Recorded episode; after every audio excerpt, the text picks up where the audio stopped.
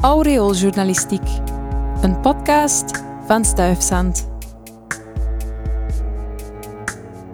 Midden in jouw dorp staat een kerk met een naam.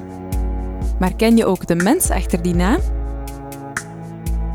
Vandaag vertelt Luc Nijs je het verhaal van de heilige apostelen Petrus en Paulus, die in de katholieke kerk gevierd worden op 29 juni. Bijbelse BFF's. Aan de voeten van de heilige Petrus, op het dak van de preekstoel van de Molse Sint-Pieter en Paulkerk, staat een haan. Een haan?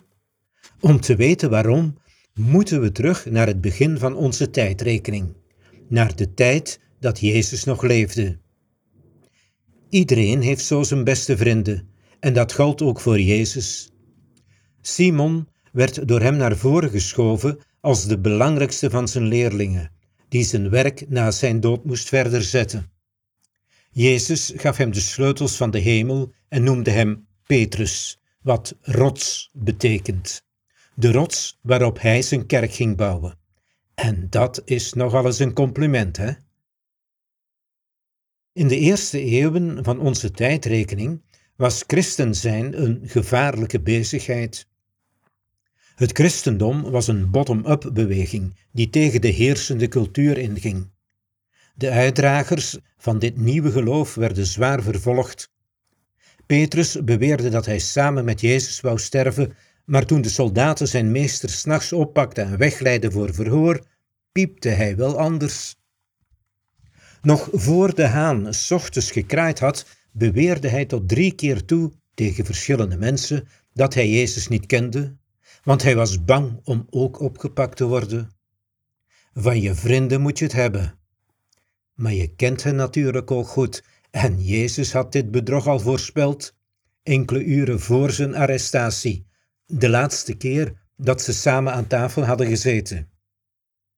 Toen het ochtend werd en de haan uiteindelijk kraaide, herinnerde Petrus zich wat Jezus de vorige avond voorspeld had, en hij moest huilen van spijt.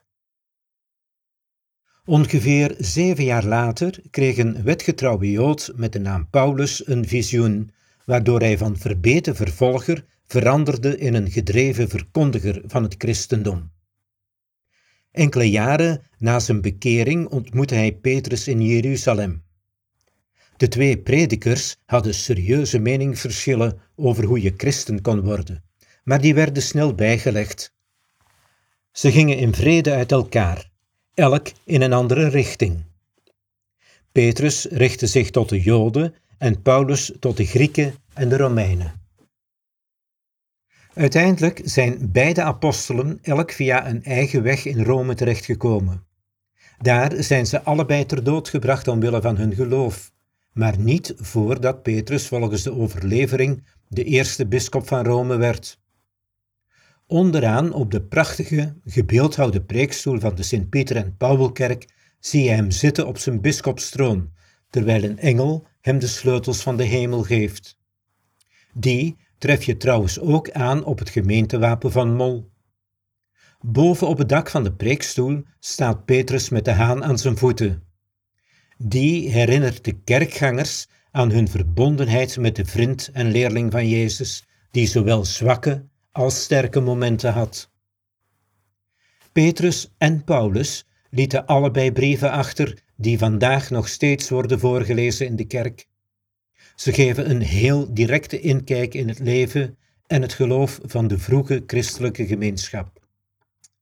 De Sint-Pieter en Paulkerk is momenteel de enige parochiekerk in Mol die gewijd is aan twee heiligen.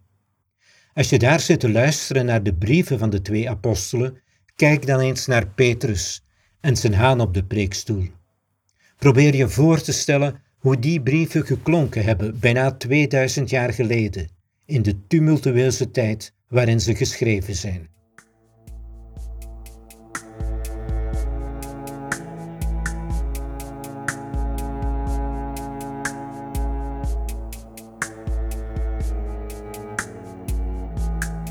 Dit was een podcast van Stuifzand en de klassen Woord en Audio Engineering van de Geelse Academie voor Muziek, Woordkunst, Drama en Dans.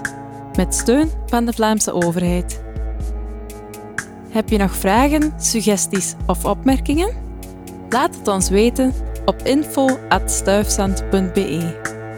Dankjewel voor het luisteren.